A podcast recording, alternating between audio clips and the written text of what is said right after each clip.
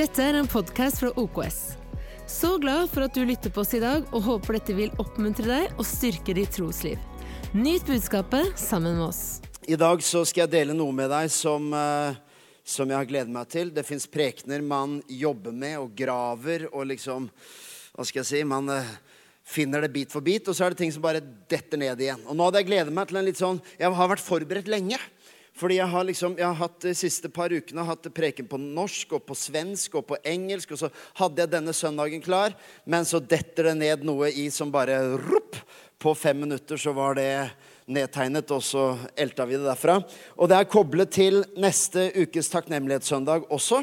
Men enten du er der eller ikke er der, så er det et budskap som er til deg her i dag, og som står på egne ben. Så vi ber i Jesu navn om at uh, ditt ord, Herre, skal være levende. Det er levende. Men vi ber din ånd om å bringe lys til hvert menneske og hvert individ, så det gir mening, så, det, så vi får hjertets opplyste øyne, så vi kan se, Herre. Og Gud, jeg ber for oss som tror, at vi skal få se mer. Og jeg ber også spesielt for den som ikke tror, eller som sliter med troen, at de skal få lov å bli kjent med deg gjennom ditt ord i Jesu navn. Amen. Vet I sånne kirker som vår, når man skal ta kollekt, samlingkollekt, så hender det at man bruker ordet at man skal ta inn dagens offer. Det er ikke alltid vi kristne tenker på hvordan vår sjargong og vårt språk kan oppfattes der ute. Når man sier at i dag, uten noe mer forklaring, skal vi ta inn dagens offer. Altså Er man på besøk for første gang, så kan det hende at man tenker 'Å nei, skal de hente en geit?' Jo, men ja. Eller jeg vet ikke om det er en sann historie engang, men historien har i hvert fall vandret om han som var på gudstjeneste, og møtelederen sier det er tid for å ta inn, ta inn dagens offer. Og en ny i salen tenker 'Ikke meg! Ikke meg!' Men vi driver verken med ofring av geiter eller andre ting. Eh, et offer, ordet offer, er brukt på litt ulike måter. Og i moderne tid så kjenner vi det også litt fra sjakk. Er det noen som har sett Magnus Carlsen på disse NRK-sendingene i romjula f.eks.? Det er ingen her som følger med på sjakk. Du har bedre ting å ta deg til. Øyvind eh, smugtitta litt. Grann. Men det fins noe som heter offerspill. Og det er, eh, det er at du f.eks. ofrer i spillet. Så ofrer du en bonde for å vinne på en måte terreng, kanskje et annet sted på brett eller et eller annet sånt. Og om du syns kristne kan ha litt intern sjargong, så er det ikke noe sammenligna med sjakkfolk. Det er bare sjakkfolk som kan slippe unna med å si at vi skal ofre en bonde. Så jeg, har egentlig god samvittighet som kristen at vi av og til har ord som er litt vanskelig, fordi Karlsen er verre, for å si det sånn. Men i religion så er ideen å ofre noe, det er ideen om at det er noe som koster noe, noe som krever noe, noe jeg gir, noe jeg viser fram, en prioritering, for å vinne gudenes gunst. Eller få gudens eller gudenes velsignelse. Og den tanken fins definitivt også blant kristne, men evangeliet har en helt, helt fundamentalt annen tilnærming til hva et offer er. Jeg skal snakke om offer. Jeg skal snakke om gleden i et offer. For det fins en kraft i det å ofre. Fins en styrke i det å ofre. Men vi er nødt til å se forskjellen på hva det vil si å ofre i lys av evangeliet, og det å ofre ut fra religionens tankegang. Og Det er som sagt koblet til neste ukes takknemlighetssøndag. Men det er ikke en ren kollektale. Ikke vær redd for det. Du kan bare slappe helt av. Men vi snakker om et offer som handler kanskje om å gi eller gjøre noe som tilsynelatende koster noe, krever noe av meg. Jesus beskriver ganske direkte hvordan religion krever offer fra mennesker. Vi går til Matteus kapittel 23 og vers 4-7 og 13-14. Og det står mye mellom her òg, men Jesus er på en skikkelig Han raljerer mot religion. Han kjører på. Les hele kapittelet når du kommer hjem. Og uansett om du håper å si, hva ditt religiøse ståsted er, Jesus er klokkeklar på hva han mener om religion som legger byrder på mennesker. La oss lese fra vers 4, Matteus 23, 4. De binder sammen tunge byrder som er vanskelig å bære, og legger dem på menneskers skuldre. Men selv vil de ikke røre dem med en eneste finger. Allerede så skjønner vi at Jesus er noe annet enn religiøse bud og regler. De to setningene Han sier de binder sammen tunge byrder som er vanskelig å bære. Med andre ord, Jesu byrde er ikke vanskelig å bære, og, legger, og religion legger den på menneskers skuldre. Men selv vil ikke lederne deres røre dem med en eneste finger. Alle gjerningene sine gjør de for å vise seg for mennesker. De gjør bønneremmene sine brede, og minneduskene Det skal vi begynne med. Selger i bokhandelen neste uke. Minnedusker. Minneduskene på klesplaggene sine gjør de større. De elsker de beste plassene i gjestebudet, de beste setene i synagogene, og få hilsener på torgene og bli kalt rabbi, rabbi av menneskene. Vers 13. Men ved dere skriftlærde og farisere, hyklere, dere stenger himlenes rike for menneskene. For ikke går dere inn selv, og dem som er på vei inn, hindrer dere i å gå inn. Wow. Ved dere skriftlærde og farisere, dere hyklere, for dere fortærer enkers hus og holder lange bønner for syns skyld. Dette er sinna Jesus. Dette er getto-Jesus. Jeg liker han. Dette er ikke den Jesus du ser på sånne malerier med, hvor han ser ut som han kommer rett fra Jan Thomas-studio med sminke og rouge og alt sammen. Dette er tøffe Jesus. Dette er Midtøsten-Jesus.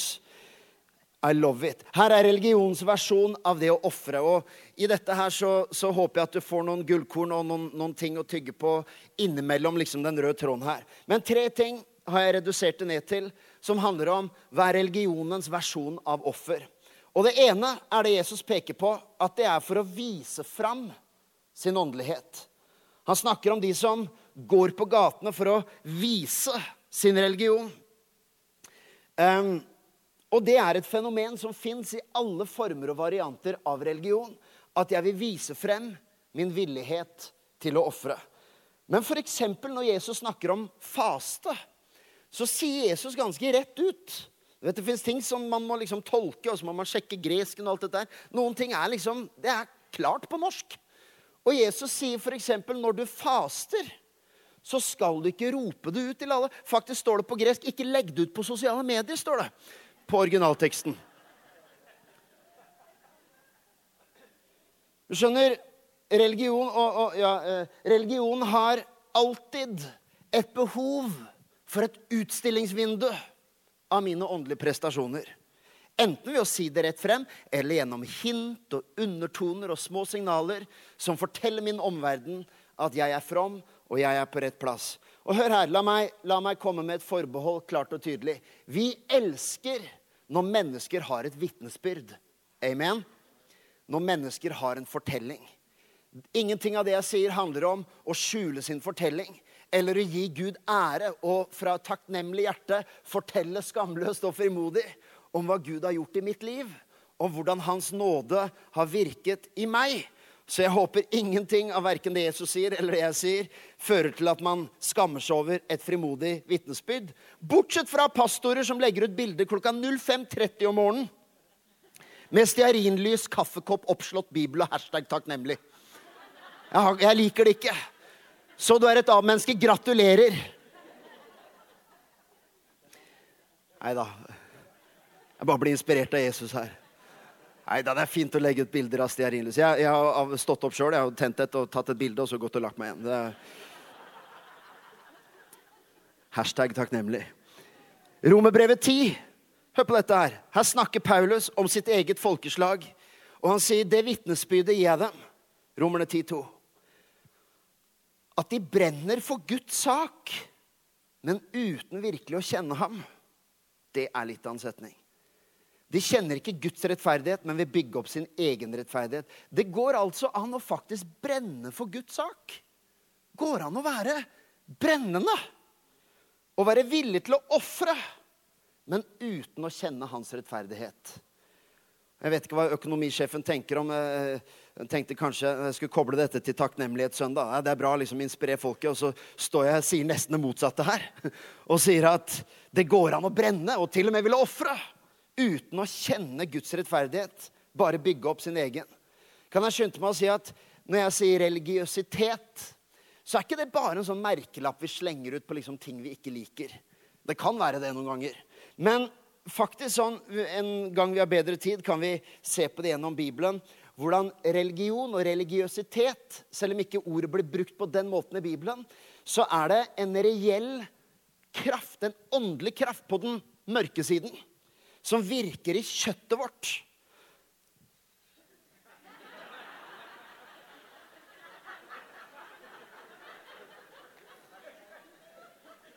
Og den virker Den virker i kjøttet vårt. Og hør her. Den virker i Husk nå. Religionens kraft, den virker i mennesket, ikke bare religionen. Det er ikke alltid religionen som er problemet, det er mennesket som er problemet. Jeg har oppdaget dette her uh, som personlig, og jeg sier ikke det for å rakke ned på noen. Men jeg har oppdaget at noen av de mest religiøse menneskene jeg kjenner, er de som ikke tror på Gud.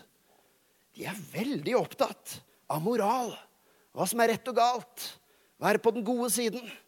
Noen av de, de mest religiøse folka jeg veit om, er ikke-troende i forhold til den definisjonen av hva religion er. Og det har vist seg historisk også at samfunn som har sagt at religion er det som er problemet, det er det som binder og undertrykker folk, så vi må bygge et samfunn helt uten religion, og så ser vi hvordan det gikk.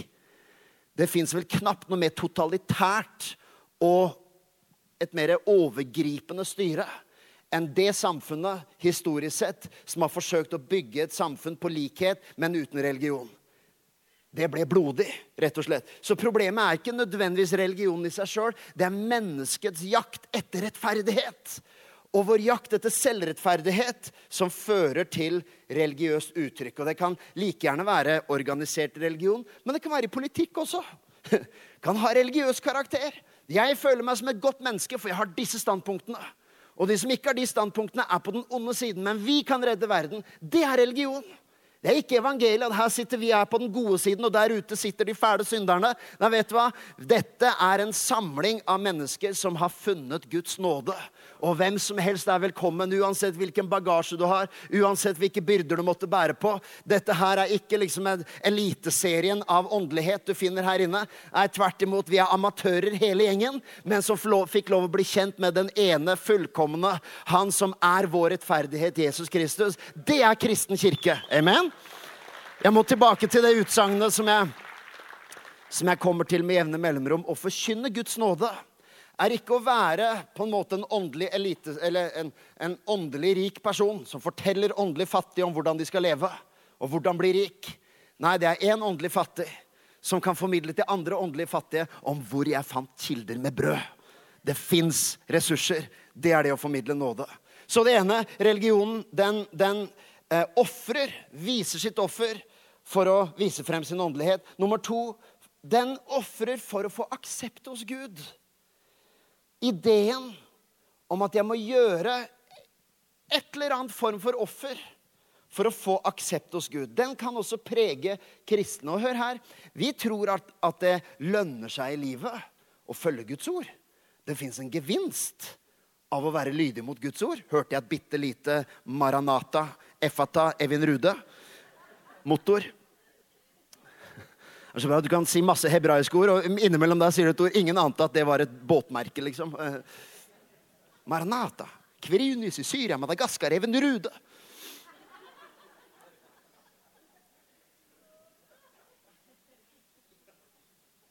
Denne tanken fins hos oss kristne, og vi, som sagt, jeg tror det fins en gevinst av å leve Guds ord. Man får et rikere liv. Det finnes ting prinsippet for livet som Bibelen har gitt oss, ikke for å legge byrder på oss, men for at vi skal kunne leve i frihet. Og en ting er sikkert er at Det fins ikke noe større slaveri enn å på en måte distansere seg fra den måten å leve på som Gud har kalt oss til. Men likevel så fins det også blant oss en tanke om fortjeneste, om at når jeg ofrer, så får jeg på en måte litt mer. Kanskje, Jo da, jeg, jeg har liksom Guds kjærlighet til Kristus, men hvis jeg ofrer litt, så liker han meg også. Jeg vil du skal vite at rettferdighet er at Gud totalt omfavner, elsker, har tilgitt, renset og ser på deg med glede og jubel og fryd. Han gleder seg over deg med jubel, står det. Det er å ha Guds rettferdighet. Så det er ikke bare at han elsker deg i Kristus, formelt teknisk. Nei, han fryder seg over at du er i hans nærvær. Han elsker deg. Det er å ha Guds rettferdighet. Personlig så merker jeg mest i motstand og vanskeligheter, så tyter min prestasjonstanke fram tydeligere. For det er nettopp når du kanskje får et nederlag, og du får et tilbakeslag og en skuffelse, så kommer det fram fra meg i min bønn liksom Gud, det her er ufortjent, ass. Jeg mener så mye jeg Jeg mener, jeg har ofret så mye. Plutselig kommer det en sånn tanke fram om at jeg har gjort det her og jeg har gitt dette her. Eller du fikk liksom en parkeringsbot rett etter at jeg hadde gitt min største gave ever. liksom. Så sier Gud det er greit jeg fikk parkeringsbot, men timinga, da? Etter at jeg ofret, så får jeg det her i retur. Det viser vår tanke. Spesielt i motstand, og det var et banalt eksempel. Men det kan også være tyngre ting i livet hvor vi roper ut dette her. Hvorfor meg? Hvorfor skjer dette meg? Og det kan være veldig menneskelig, veldig naturlig og veldig eksistensielt. Vi, vi hørte om papirflysvaret her, ikke sant? Når du roper hva, hva, hva, gjør jeg nå, Gud?' Og så sender Gud svar. Så det fins tid, rom og sted for å rope. Men jeg bare sier personlig så kan jeg kjenne igjen hvordan selvrettferdigheten tyter frem. Spesielt når jeg føler jeg har fått ting jeg ikke fortjente. Men da er det så nydelig å kunne vite at i Jesus Kristus så kunne jeg rose meg i ham i fremgang og suksess og når alt går på skinner. Men jeg vet også i motgang og tilbakegang så kan jeg rose meg i ham og vite at det er ikke, det er ikke sånn at det er en aksjekurs i himmelen om at jeg får liksom gunst når jeg har ofret, og så lar han være jeg ikke har ofret. Jeg elsker Romerbrevet 5,8. Gud viser sin kjærlighet til oss ved at Kristus døde for oss mens vi fortsatt var syndere. Mens vi fortsatt var syndere. Ingen måte å gjøre seg fortjent til Guds kjærlighet pga. ditt offer. Ut fra dette verset så har du bedre odds ved å være en synder. Ikke, ikke gjør som Luther, at du, må, du, du, skal synde for å erte djevelen. Var, han prøvde seg på den. Det er helt sant. Les din kirkehistorie. Tanken om å gi. Nå har vi takknemlighets, takknemlighetssøndag neste søndag. Og vi ønsker på alle måter å inspirere. Men jeg kjenner også på at vi er nødt til å si noe i OKS om at tanken om å gi for å bedre litt av mine odds hos Gud kan være en veldig destruktiv idé. Og jeg, siden, siden, vi leste sinnet Jesus, kan jeg også få lov å understreke det Jesus sier, ved å si at når forkynnere blander de to tingene, pengegaver og Guds velsignelse, så kan det innimellom bli ganske stygt. Og vi er nødt til å si noe om det innimellom. Hvis noen sier 'gi 2024 kroner i dag', så får du en spesiell velsignelse for 2024. Det er så ikke-evangelisk at vi må sette foten ned. Ja, Har du sykdom? Ja, gi penger i dag, så blir det ditt såkorn mot helbredelse. Du er helt i skjæringspunktet av de Jesus sier 'ved dere hyklere'. Jeg sier ikke at du er der, og jeg sier ikke at liksom jeg, nå, igjen, jeg er på den gode siden og gjør ikke sånn. Jeg bare sier at Jesus er ganske klar. Da tenker jeg at det er mye bedre enn å begynne å flørte med miksen av gave og fortjeneste. Så er det mye bedre å starte ut en takknemlighetssøndag med Fesebrevet 1.3 som sier at han har velsignet oss med all åndelig velsignelse i den himmelske verden i Kristus Jesus. Han har perfektum. Amen. Jeg elsker grammatikk. Aldri har norsk grammatikk vært mer spennende enn på søndagsgudstjeneste i OKS. Dere kan takke meg etterpå, alle norsklærere. Kan ofre neste takknemlighetssøndag i respons. Perfektum han har. Det kan også være, og det skal jeg virkelig ikke gå inn på, bare 30 sekunder. Det kan også være noen psykologiske aspekter i sving Men det å ofre, og som også påvirker vårt gudsforhold. Hvis man som barn lærte seg at man får aksept ved å gjøre det man blir fortalt, og lærte seg på en måte at da ble det ro, da ble det fred, da ble det harmoni, og da fikk jeg på en måte en positiv oppmerksomhet fra mine foreldre når jeg gjorde ting riktig og oppførte meg ordentlig. Mens hvis jeg ikke gjorde det, så ble det ubehag og uro og disharmoni. Så kan det skje, ikke med alle, men det kan skje at man vokser opp og utvikler en væremåte med prestasjonsangst. Og der man utvikler en væremåte der alt annet enn det perfekte skaper uro igjen.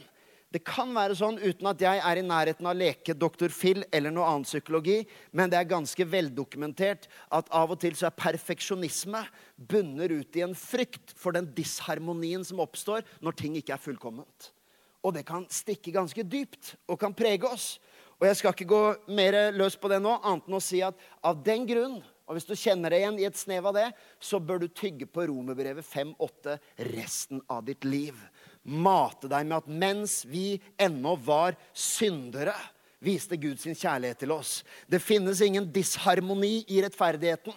Den omfavner deg og omslutter deg, ikke pga. hvordan du har vært, men på tross av hvordan du har vært. Og spesielt, Det gjelder ikke bare, det er fort gjort å tenke at det er, det er liksom gode nyheter til de verste synderne. De kriminelle. De som liksom ligger i rennesteinen, ja, de kan få Guds nåde. Nei, dette er for perfeksjonistene. Dette er for nordmenn som tenker at det blir harmoni i mitt liv så lenge ting er fullkomment, og i hvert fall ser fullkomment ut. Og ingen ser bristene, og ingen ser uroen, og ingen ser angsten min, og ingen ser frykten min. så lenge liksom, Eller det å bare få kritikk. Hvis man er vokst opp med en sånn type barndom, som ikke trenger å ha vært fæl, bare norsk, men at vi gjør det ordentlig og riktig og rett og alt sammen, så vokser man opp med en type perfeksjonisme som gjør at når du får kritikk, på jobben f.eks., så er det ikke bare liksom en kritikk av jobben du gjør. Nei, Det treffer deg midt i din identitet. Når du blir kritisert, og kanskje et prosjekt du gjorde liksom ikke var bra nok, så er du brutt på innsiden fordi dette går på den du er. Og jeg tror evangeliet har legedom for dette er sånn. Kan sikkert gå på noen kurs der ute i verden òg, men jeg tror evangeliet er det beste medisinen mot et sånn måte å være på. Derfor så er evangeliske kristne er potensielt fantastiske mennesker å ha på en arbeidsplass. Vi er gode jobb, vi er gode for bedrifter å ha i staben. Fordi vi, Det fins en trygghet der. Jeg sier ikke at vi alle har det, men jeg sier at når vi tror på Jesus, så fins det en grunnfestelse i hans rettferdighet som gjør at vi kan bringe fred og harmoni på en arbeidsplass. For vi kjemper ikke så fryktelig fælt for vårt eget navn. Vi kan få lov, I stedet for å være best på i, eh, hva det heter, i stedet for å være liksom best i firma, så kan vi være best for firma. I stedet for å være best i byen, så kan vi være best for byen fordi vi har vår trygghet i vår rettferdighet.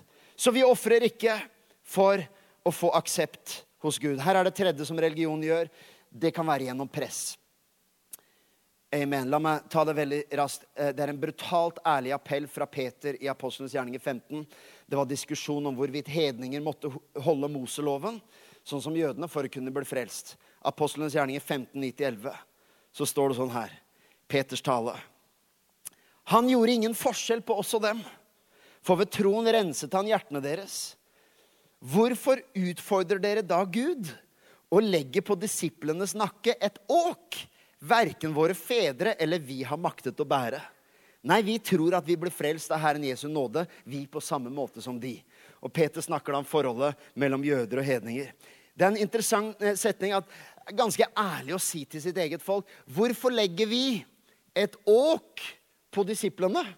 Som egentlig Jeg innbiller meg at Peter kanskje hviska når han sa det. Som verken vi eller de før oss egentlig noen gang klarte å holde. La oss være ærlige her, liksom. Vi har aldri fiksa det her. Nå, nå krever vi dette av hedningene, men det har aldri funka for oss. Hm? Og så fikk han ikke noe amen på det. Men dette er religionens vesen. Kan jeg få lov å si det med blokkbokstaver? Religionens vesen er alltid å kreve en standard fra andre som man selv ikke lever opp til. Det er religion i sin natur. Vår grunntanke også som pastorer f.eks. om takknemlighetssøndag om en uke, er at vi vil aldri frimodig stå og be Kirken gjøre et offer som ikke vi selv er villige til å gå foran og gjøre et offer selv. Og jeg, eh, Vi trenger ikke gå og utdype det noe mer. Jeg bare sier at neste søndag så gjør vi også et offer i glede og takknemlighet. Det kan hende, hende at det er andre i menigheten som ofrer et større beløp enn oss. Men vi må pga. religionens natur være blant de fremste i vår husholdning i forhold til det vi gir i prosentandel av vår inntekt. For at ikke vi står på en plattform og ber mennesker gjøre et offer som vi sniker oss unna. Jeg har oppdaget det er lett å være sjenerøs på menighetens vegne.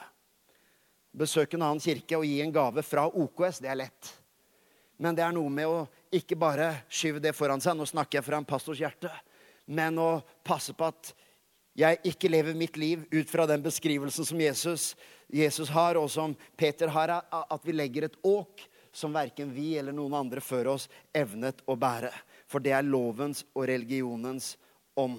Derfor så tror vi at når vi ofrer i glede, og vi kommer til det nå, de siste minuttene her Når vi ofrer i glede, så håper vi at vi selv kan gå foran, være et eksempel.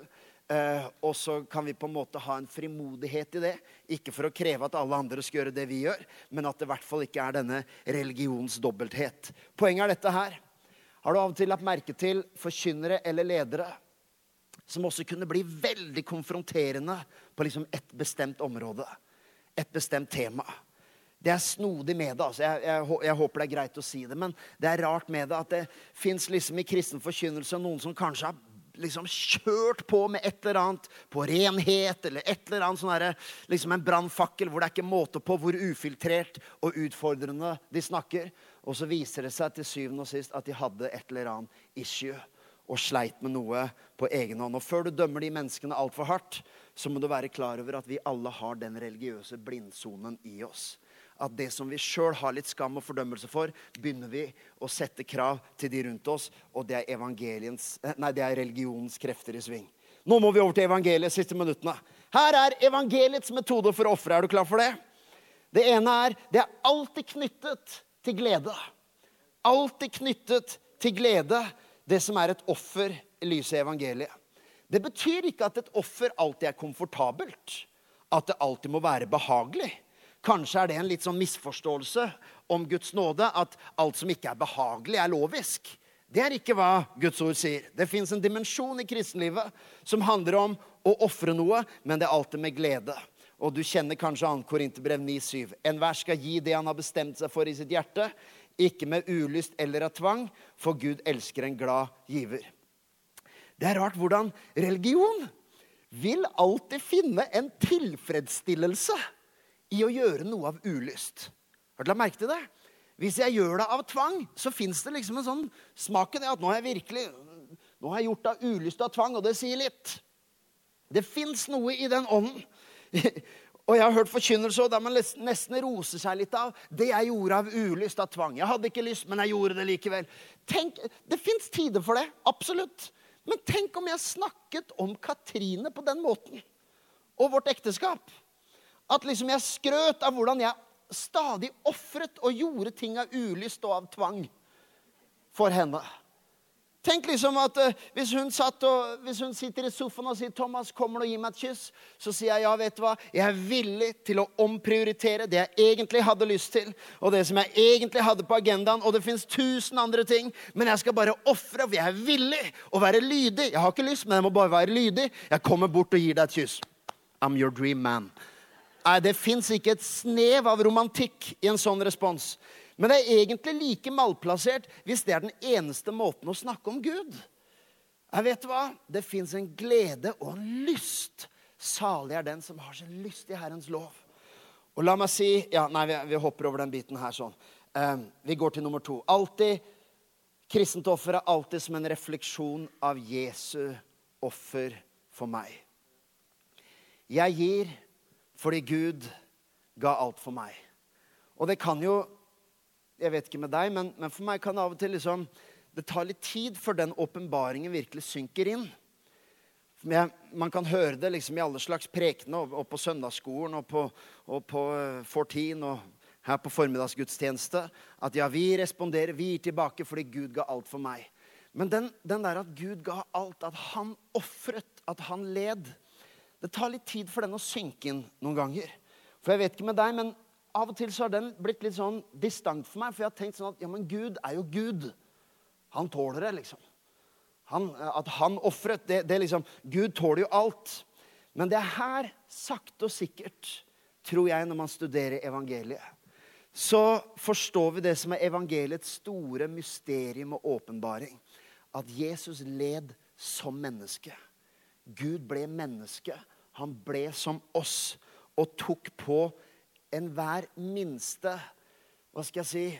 Enhver lidelse, enhver smerte, enhver avvisning vi kan oppleve, den tok Gud på seg. Han ble degradert, f.eks.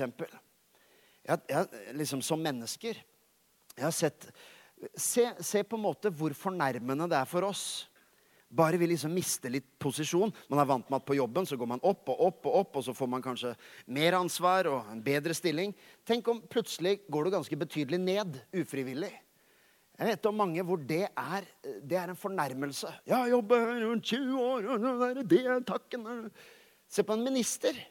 Når en minister blir avsatt, det er full krig. Fordi man mista en maktposisjon som man har hatt i tre år. Jeg vil du skal forstå og kjenne på kroppen Gud som har vært der fra evighet på sin trone. Det er ikke en liten ministerpost han har hatt i tre år. Han har vært skaper, herre, Gud, konge. I himmel og på jord. Navn over alle andre navn. Kommer ned og blir fullstendig degradert. En ting er hvis du mister jobben fortjent fordi du har forsømt ansvaret. En annen ting er å fullstendig Du har gjort alt som du skulle og likevel får du sparken. Og Gud stiger ned og blir menneske. Det er en degradering. Så hver gang du kjenner på liksom urettferdighet, så vil jeg at du skal gå til evangeliet og tenke at vel, det kjennes ikke bra, men jeg ligner i hvert fall bitte litt på Gud når jeg gjør dette her sånn. Um, jeg har brukt det eksempelet her, og at uh, du vet, avvisning det er, jo, jo, jo, nærmere en relasjon er, jo sterkere er en avvisning. Hvis en fjern eh, En fjern Hvis en, en jeg ikke kjenner så godt En fjerning det at, du, det at, du ikke, kjenner meg så godt, betyr ikke at du er fjern. Det er ikke usannsynlig heller, men det er ikke, det er ikke noen must. Hvis en person jeg ikke kjenner så godt Det var morsomt i mitt hode. En person jeg ikke kjenner så godt i OKS, kommer og sier Thomas, jeg, jeg liker ikke måten du leder på, jeg liker ikke måten du preker på, jeg melder meg ut av OKS. Det gjør vondt, men jeg overlever. Hvis en nær medarbeider som er mye tettere, sier at 'jeg liker ikke måten du leder på, liker ikke måten du snakker på', 'jeg melder meg ut og forlater', så gjør det mye vondere fordi det er en tettere relasjon. Hvis Katrine kommer og sier 'Thomas, jeg liker ikke måten du leder på', 'liker ikke måten du preker på', 'jeg melder meg ut av OKS', så den svir.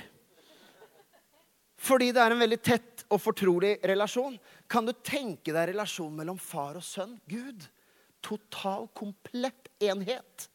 Og det er den angsten Jesus kjenner på i Getsemanehagen. Når han sier, 'Min Gud, min Gud, hvorfor har du forlatt meg?' på korset. Men han har angst i Getsemanehagen for det som skal komme. Det er ikke bare generell dødsangst. Det er fordi han vet at det er i ferd med å skje et brudd i den evige foreningen.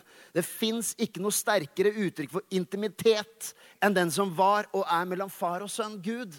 Jeg fikk smake bitte, bitte, bitte litt på det fordi en av ungene våre liker, eh, pleide og like når vi sa natta, eh, at, eh, at, det ligger en ved siden av og liksom eh, sovner sammen. Og så eh, gjorde jeg det, og så trodde jeg at eh, han hadde sovna, så jeg reiste meg opp, og så lister jeg meg ut. Og så gjør jeg det så stille jeg kan, men så kommer det en lyd likevel. Og så, og så våkner han, og så sier han, 'Pappa, ikke gå!' Noen desperat rop. 'Ikke gå, pappa!' Jeg, bare, jeg må se ferdig fotballkampen nå. Nei, nei. Nei da, jeg gikk tilbake, selvsagt, og la meg ned og responderte, liksom. For det, det var der, litt sånn eh, Sånn fra dypet av hjertet hans, liksom. Ikke gå! Nesten litt sånn angst. Og jeg ligger der og smiler litt av det, og så i det øyeblikket så opplever jeg liksom den derre følelsen der. Og han roper 'Pappa, ikke gå'.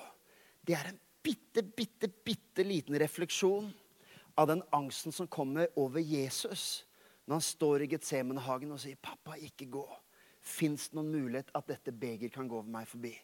Jesus gjorde ikke bare et symbolsk offer. Det var ikke bare et offer som ikke kostet noe, siden han er Gud uansett.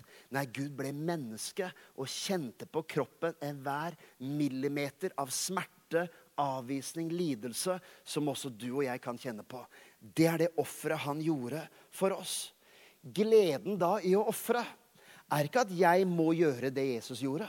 Siden han ofret, så, så, må vi også liksom, det, vi må betale en like høy pris. Men det er faktisk sånn at det er en glede i å kjenne at jeg får lov å ligne litt på min frelser. Det er også litt sånn når man går igjennom ufrivillig offer og smerte og lidelse. Så har alle religioner har sin forklaring på lidelse. Noen mener at det, du må ha lidelse, for det bringer deg nærmere Gud. Noen mener at lidelse er noe du gjennom meditasjon skal bare overvinne og til slutt liksom bli immun mot lidelse. Uh, Kristen tro har den beste responsen, den beste verktøyet for å møte lidelse i livet. Kristen tro sier ikke at lidelse i alt har en mening. Det er sikkert Gud som har sendt det. Kristen tro sier heller ikke at lidelse ja, den vil alltid den vil liksom eh, Hva skal jeg si eh, det, er, det, er, bare å omfavne lidelsen og glorifisere lidelsen, for lidelsen gjør deg from og hellig. Nei, men det fins noe i kristen lidelse som sier det her gjør vondt, det her er ikke godt. Og all lidelse er til syvende og sist en fiende av Gud. I evigheten er det ingen tårer, ingen smerte. Ikke sant? Så det fins ikke noe med lidelse som er i seg selv vakkert. Men det er likevel sånn at når jeg lider, så kan jeg stoppe opp og si Wow, det fins faktisk en glede i dette. Jeg kjenner på Jeg ligner lite grann på min far. Ligner lite grann på Gud. Han ofret for meg. Ikke for at jeg må, må liksom blø på samme måte, men det fins Vi vi kan uh, ha en skikkelig bibeltime på det her en annen gang, men det er kristen lidelse. Er at jeg finner en type glede. Ikke sånn at jeg, ja, det, gjør vondt, det gjør godt å ha det vondt, men en takknemlighet til at midt i min lidelse så kan jeg skryte og si Min Gud led også. Min Gud led også. Han veit hva det er. Gud er på min side. Enten jeg opplever legedom i kroppen akkurat nå eller ikke, så er Gud på min side. For han kom ned og led. Tok sykdom på seg. Han tok sykdom på seg ikke bare for vår helbredelse, men også for identifikasjon med din sykdom. For at du skulle kunne vite i din sykdom min Gud, han tok også sykdom på seg. Jeg har ingenting å skamme meg over. Det er, det er ingenting å skamme meg over at jeg har et halvt ben, eller hva det nå skulle være. For min Gud, han halta også. Så det faktisk finnes det en, nesten en litt sånn ære noen ganger. Jeg prøver ikke å ikke misforstå teologien her nå. Dette er trøst, ikke, ikke liksom en rettferdiggjørelse av sykdom. Men det er en trøst også å vite at min Gud gikk også gjennom noe. Min Gud, han er ikke langt unna det jeg er gjennom. Han veit åssen det er. Vet Det er stas av og til for barna når de får, når de får eh, siste, siste tanke, og så er vi ferdig. Når ungene får gjøre noe som ligner litt på oss. Um, for det, det, er av og til vanskelig å få barna Nå sitter Sofie her, da, og Theo. Um, det er ikke alltid like lett å få barna alltid, med unntak av våre barn. De gjør alt riktig. Men uh, det er ikke alltid, har jeg hørt andre foreldre si, at det er ikke alltid lett å få barna til å på en måte gjøre oppgaver og ofre noe. Kan du ta oppvasken, kan du ta klærne, kan du støvsuge, som tilsynelatende blir et offer. Og, og, jeg har hørt andre foreldre som sier at det fins tenåringer der ute i samfunnet som når det blir bedt om å gjøre et eller annet, kan reagere med sånn åh. Det er helt sjokkerende for meg å høre sånt. Eh, det kjenner ikke vi til i vår husholdning. Men én ting jeg har lagt merke til, det er kanskje ikke så mye nå lenger, men når de var veldig små, så var det gøy å gjøre et offer som var litt voksent. Som liksom det å komme og få lov å kutte grønnsaker, få holde en litt skarp kniv og kutte grønnsaker. Eller når vi ga dem motorsag for å hogge ned trær i hagen. Nei da, vi gjør ikke det. Men liksom, selvfølgelig med, med liksom varsomhet og sånn. Fikk lov å kutte grønnsaker. Altså, Mikkel, vår minste, han elsker å kutte grønnsaker. Og, og det er nok at han har skåret opp en agurk, så føler han har lagd hele middagen. Ikke sant? Var det god middag? Ja, det er min fortjeneste. Jeg kutta agurken. Men det er noe, hva, hvor kommer den gleden fra? For det er vanskelig av og til å få et barn til å legge fra seg mobilen iPaden og serien de ser på. Men hvis de får gjøre noe som er stas, så er det litt sånn herre Ja, men det her er litt voksenting. Jeg holder en kniv. Det er egentlig pappa som gjør dette her, ikke meg. Jeg får gjøre en voksenting. Jeg vet illustrasjonen er på ingen måte fullkommen, men jeg sier at også når vi ofrer, så finnes det en glede i at vet du hva, det er jo egentlig Gud som ofrer. Det var han som gjorde dette. Det var han som ga alt.